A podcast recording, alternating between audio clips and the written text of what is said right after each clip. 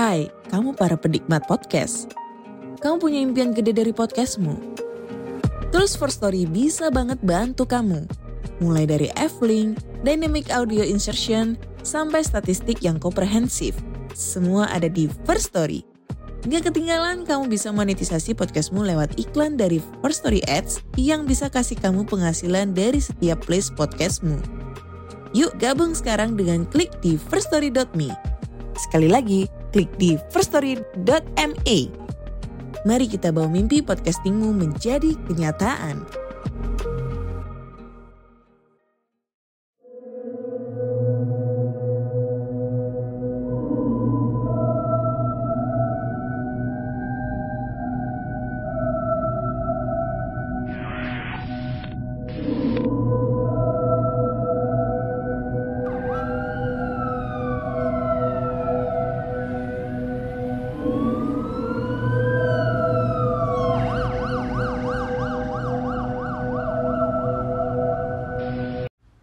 Halo semuanya.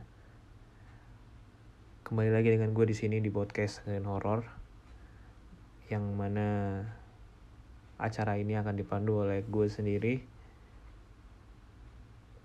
Iksan dan di episode kali ini gue terbesik untuk membuat satu jenis episode baru yaitu tentang kasus-kasus misteri, pembunuhan, dan lain-lain. Yang intinya ini bersifat um, eksplisit ya kawan-kawan. Dan buat teman-teman, kawan-kawan sekalian, yang mendengarkan ini karena ini mungkin sedikit mengandung contents um, some explicit content like blood or maybe death kematian seseorang pembunuhan. Jadi mohon untuk kebijaksanaannya dalam mendengarkan episode ini ya. Jadi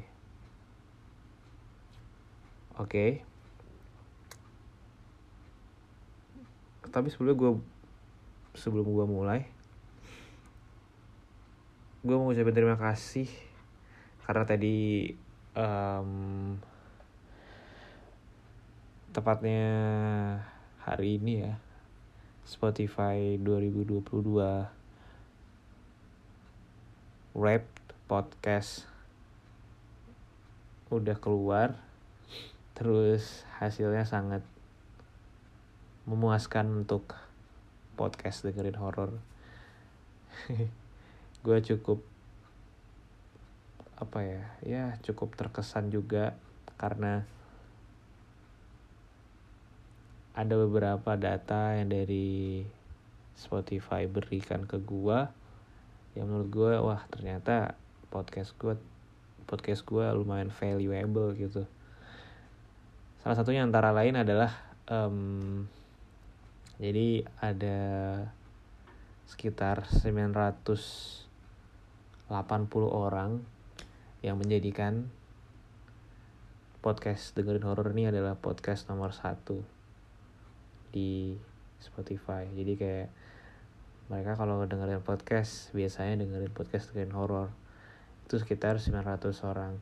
Terus ada sekitar 3500 orang yang dengerin podcast dengerin horor itu mereka naruh dengerin horor itu top 5 di dalam podcast list mereka. Dan dengerin horor masuk ke dalam top 5-nya.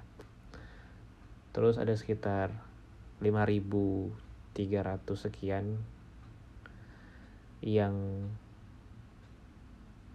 menaruh dengerin horror sebagai top 10 podcast list mereka. So I'm gonna say thank you so much karena sudah sangat mengapresiasi podcast dengerin horor. Oke, jangan berbahasa basi lagi ya. Kita bakal mulai aja. Jadi ini adalah kasus yang belum terpecahkan sampai sekarang. Ini kasus yang gue dapat dari artikel luar negeri yang membahas soal John Bennett Ramsey. Jadi John Bennett Ramsey ini adalah seorang perempuan, anak kecil perempuan yang meninggal karena dibunuh pada tahun 90-an. Dia ini meninggal um, konon katanya karena diculik terus dibunuh sama pembunuhnya. Tapi banyak teori yang disajikan di artikel luar negeri. Ada berbagai macam artikel yang gue dapat dan bakal gue bacain di sini. Gue ringkas semuanya. So kita mulai dari awal tentang siapa itu John Bennett Ramsey. Nah jadi tadi gue bilang John Bennett Patricia Ramsey adalah seorang anak dari orang tua yang berasal dari Amerika. Jadi anak ini adalah semacam anak kecil yang cantik. Dia ini meninggal dan dibunuh di dalam rumahnya pada tanggal 25 Desember tahun 1996 di umur 6 tahun. Nah, jadi timelinenya tuh begini kawan-kawan. Ada ada ada banyak timelinenya, jadi gue bakal urutin satu persatu. Pada 26 Desember 1996, gadis kecil itu ditemukan tewas di ruang bawah tanah rumah tempat dia tinggal bersama orang tuanya. Sejak saat itu, jari-jari telah diacungkan ke berbagai arah, tetapi tidak seorang pun pernah didakwa secara resmi. Polisi dan FBI tidak pernah menyerah mencari jawaban. Kita mulai bahas soal kematiannya John Bennett Ramsey. Nah, jadi pada saat kematian John Ramsey ini um, Patsy Ramsey atau ibunya John Bennett ini panik menelpon polisi pada hari yang menentukan di bulan Desember. Bukan untuk mengumumkan pembunuhan, tapi ibunya John Bennett ini ngelapor ke polisi atas dasar penculikan. Patsy had found a ransom letter demanding 118,000 dollar US dollar for the return of the pageant winning daughter yang artinya Patsy atau ibunya John Bennett ini menemukan surat tebusan yang menuntut untuk memberi 118 ribu dolar sebagai imbalan untuk mengembalikan anaknya tadi, si John Bennett Ramsey. Nah, menariknya di kertas itu itu ada baca ada tulisan gue bakal ada gue bakal baca tulisannya ini ditulis sama sama uh, penjahatnya the ransom note reads gini tulisannya Mr. Ramsey listen carefully we are a group of individual that represent of small of small foreign faction We respect your business, but not the country that it serves. At this time, we have your daughter in our possession. She is safe and unharmed, and if you want her to see 1997, you must follow our instruction to the letter. Jadi katanya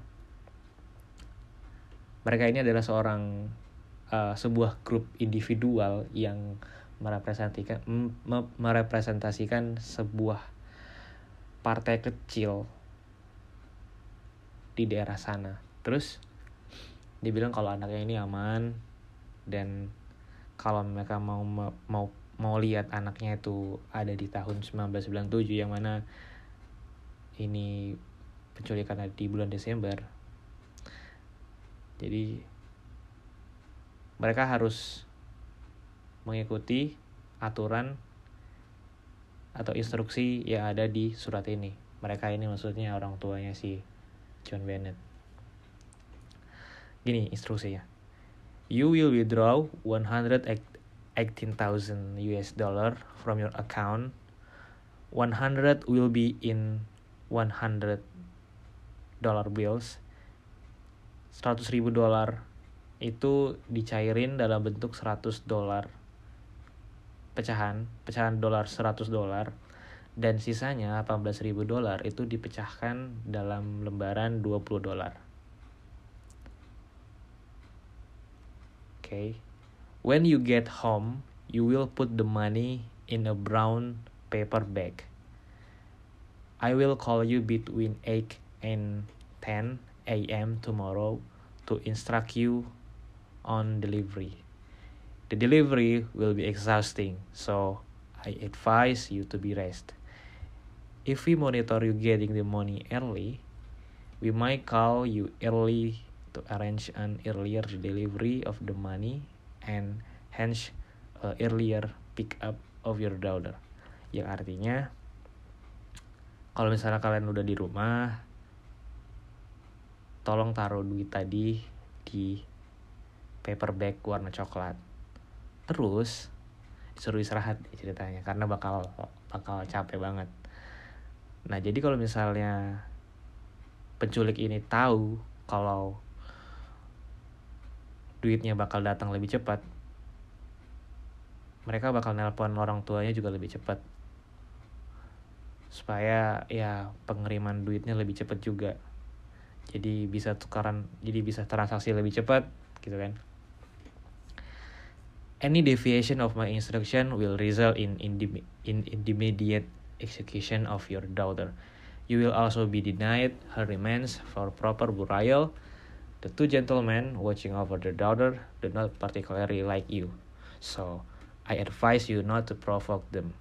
Speaking to anyone about your situation, such as police, such as police, FBI, will result you in the, will it will result you your doctor being beheaded.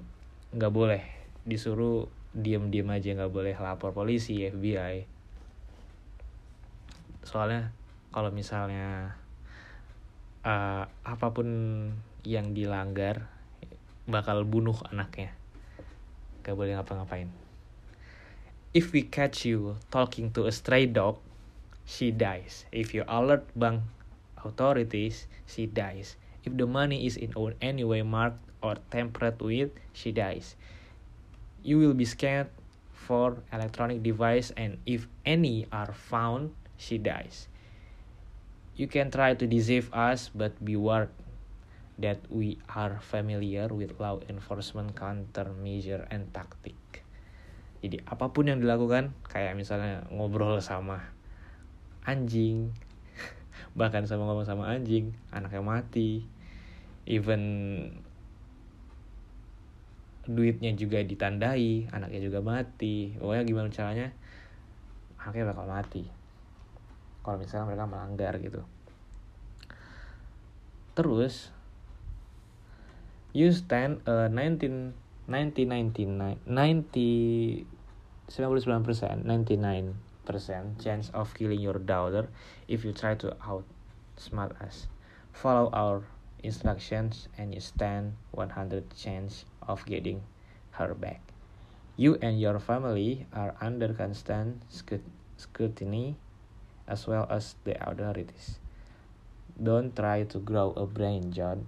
You are not the only fat cat around, so don't think that killing will be difficult. Don't underestimate us. John ini bapaknya kayak kayak gue rasa John ini bapaknya.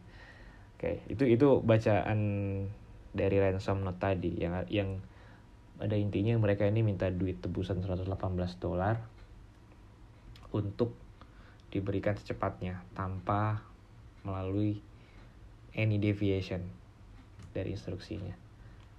Oke. Okay. Nah, itu tadi bacaannya.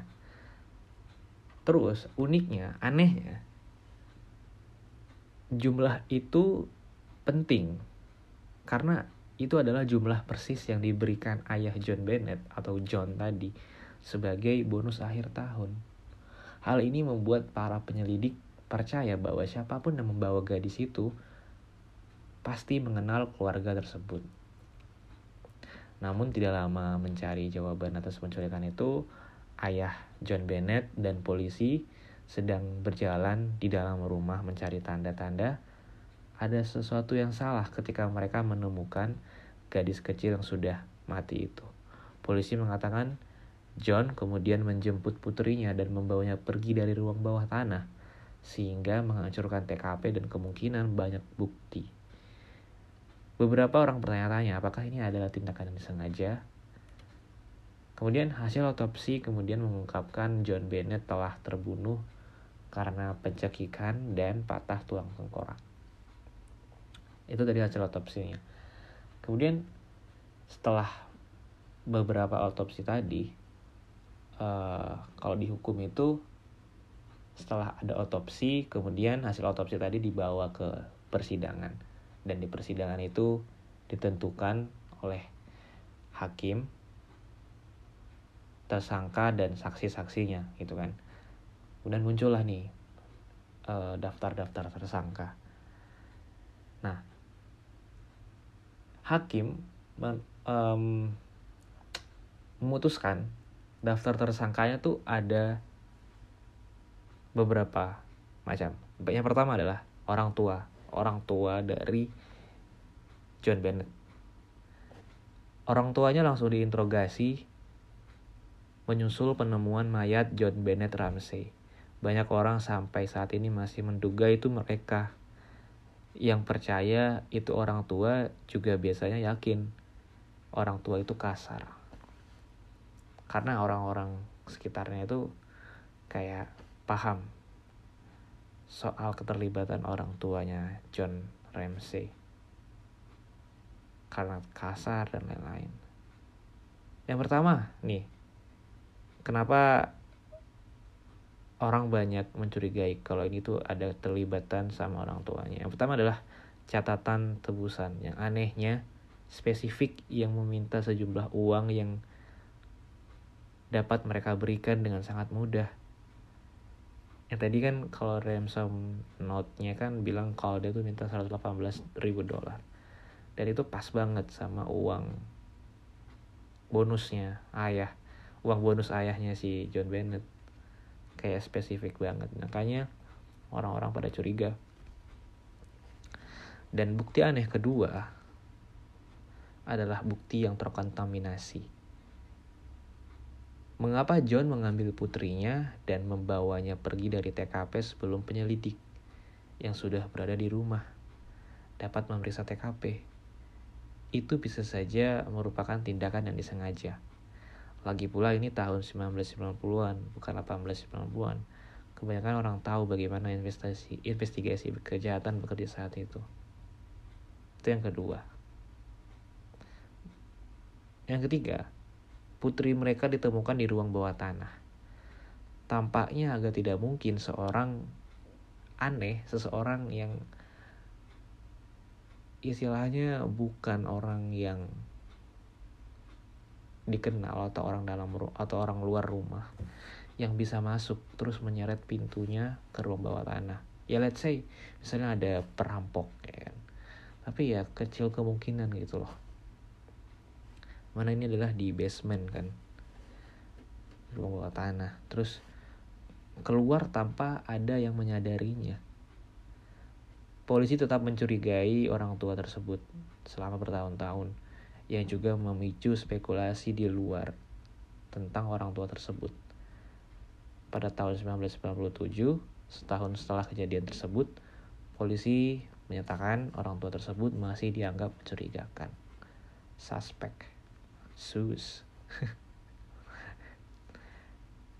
Pada tahun 1998, Patsy dan John Ramsey juga menolak bekerja sama dengan detektif ketika mereka meminta untuk melakukan wawancara lagi dengan mereka. Emang sus banget bro. Kenapa orang curiga sama mereka? Kayaknya dari tindakannya. Maksud gue kenapa ya kayak gitu ya? Kenapa nggak kooperatif gitu loh? Kooperatif aja gitu. Sama polisi sama sama detektif kan. Kayak ya udah. Bagi orang tuanya gitu kan. Kayak yang kedua suspeknya yang kedua adalah saudaranya saudaranya saudara laki-lakinya namanya Burke Ramsey yang berusia 9 tahun ketika saudara perempuannya John Bennett menemui takdirnya yang terlalu yang terlalu dini. Polisi berbicara dengan Burke beberapa kali selama penyelidikan dan tidak pernah menganggapnya sebagai tersangka. Iya dong, masuk akal dong, karena masih 9 tahun kan. Baru pada tahun 2016, sekitar um, 19 tahun setelah kejadian ya. Jadinya tahun 97. Terus pada tahun 2016 ketika serial dokumen CBS 2 bagian ditayangkan, Burke menjadi tersangka publik. Burke mengajukan gugatan pencemaran nama baik tidak lama setelah tayangan khusus CBS. Tapi pada 2019, masalah tersebut diselesaikan di luar pengadilan dan gugatan tersebut dibatalkan. Film dokumenter itu mengklaim Burke secara tidak sengaja membunuh saudara perempuannya karena marah teori tentang alasannya termasuk dia tidak ingin berbagi mainan atau dia mulai memakan makanannya. Teori makanan tampaknya lebih mungkin karena otopsi John Bennett mengungkapkan ada nanas di perutnya. Patsy dan John mengklaim bahwa mereka tidak memberi makan nanasnya, tetapi polisi menemukan semangkuk buah di dapur dengan sidik jari Burke di atasnya. Namun mereka yang memper, mempercayai teori mainan menunjuk pada tanda yang ditemukan di punggung gadis itu yang tampak seolah-olah berasal dari jalur kereta mainan. Teori ini memasukkan orang tua sebagai kaki tangan kejahatan Burke. Agaknya, mereka ingin melindungi putra mereka dari masalah, jadi mereka mungkin memalsukan skenario penculikan untuk mencegah pihak berwenang menyadari apa yang sebenarnya terjadi. Tapi masuk akal sih. Masuk akal maksud gue uh, kenapa orang tuanya pengen menyelamatkan anak put anak laki-lakinya soalnya mungkin anak anaknya tinggal satu kali ya. Enggak enggak maksud gue gimana caranya anak umur 9 tahun? Ya masih 9 tahun men. Masa gara-gara kelahi gitu kan? Kelahi mungkin gara-gara mainan. Terus marah. Terus dimasukin nanas dicekokin nanas gitu kan. Kalau nanas yang dipotong-potong yang kayak di tukang buah itu nggak apa-apa mungkin. Ini mungkin nanas satu biji gitu kali ya yang masih ada kulitnya. Cekokin gitu. Anjir. Gak masuk akal men. Itu udah tidak ada moral anjir. Anak umur 9 tahun udah bisa begitu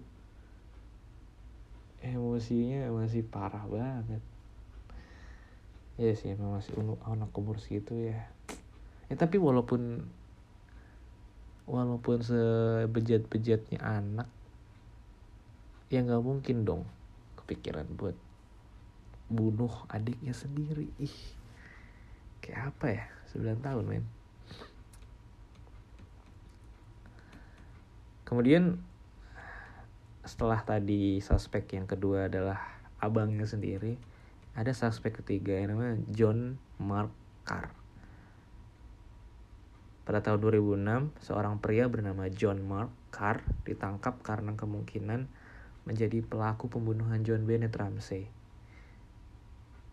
dia tidak yakin dia telah melakukan kejahatan itu, namun Carr telah sepenuhnya mengakuinya.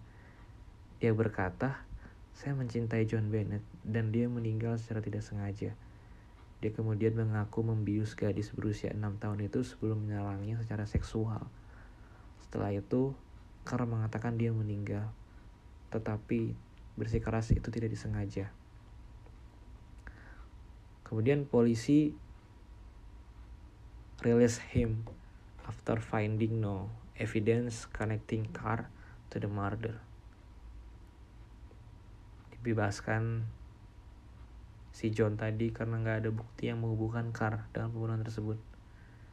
DNA seseorang tidak terkait dengan keluarga Ramsey telah ditemukan di celana dalam John Bennett, tetapi tidak cocok dengan milik Carr. Mereka yang percaya bahwa itu adalah keluarga akan menunjukkan fakta bahwa jendela yang diduga telah dilewati oleh seseorang penyusup sama sekali tidak terganggu dan masih berdebu. Yang artinya, wah anjir sih ini. Ini ini emang parah sih. Complicated sih ini, problematik sih ini. Banyak banget ada kayak di film-film itu men. Ada banyak apa sih namanya suspek yang kalau dikaitkan ada satu hal yang mungkin dibuat secara sengaja untuk menarik perhatian atau mengalihkan perhatian hakim atau mungkin detektif sehingga pelaku aslinya tuh nggak nggak bisa diketahui gitu. Hingga hari ini belum ada satu orang pun yang didakwa atas kejahatan kematian John Bennett Ramsey. Mereka yang telah menangani kasus ini mengklaim semua karena kurangnya bukti. Tetapi tampaknya hanya sedikit orang yang puas. Semakin lama penyelidikan berlarut-larut, semakin semakin kecil kemungkinan seseorang akan menemukan cukup bukti untuk mendapatkan kebenaran sampai saat ini belum. Dan sayang banget men. Kalau misalnya sampai beneran abangnya yang membunuh itu dan bunuhnya pakai nanas. So gue kenapa pakai nanas gitu loh?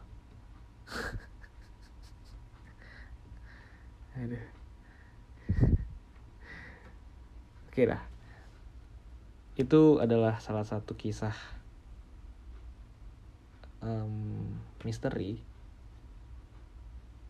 unsolved crime atau kasus yang belum terpecahkan itu adalah episode pertama yang membahas tentang unsolved crime dari podcast dengerin horor. Semoga kalian suka dengan episode ini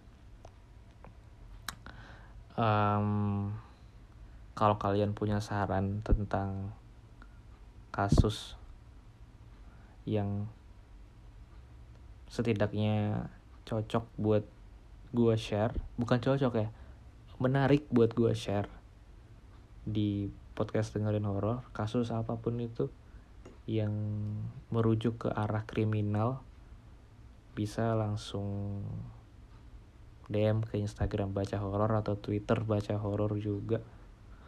Atau mungkin ke email link beritanya. Juga bisa research. By the way tadi yang gue baca tadi itu dari artikel orang luar negeri yang websitenya namanya filmdaily.co thanks to filmdaily.co sudah memberikan informasi yang cukup banyak dan ada beberapa forum yang gue baca juga mengenai kasus ini. Oke teman-teman, gue Iksan. Sampai jumpa lagi di episode berikutnya. Terima kasih sudah mendengar sampai habis. Jangan lupa share ke teman-teman kalian. Kasih tahu teman-teman kalian kalau ada kasus kriminal yang menarik untuk dibahas yang belum belum belum belum terpecahkan sampai saat ini. Bye bye.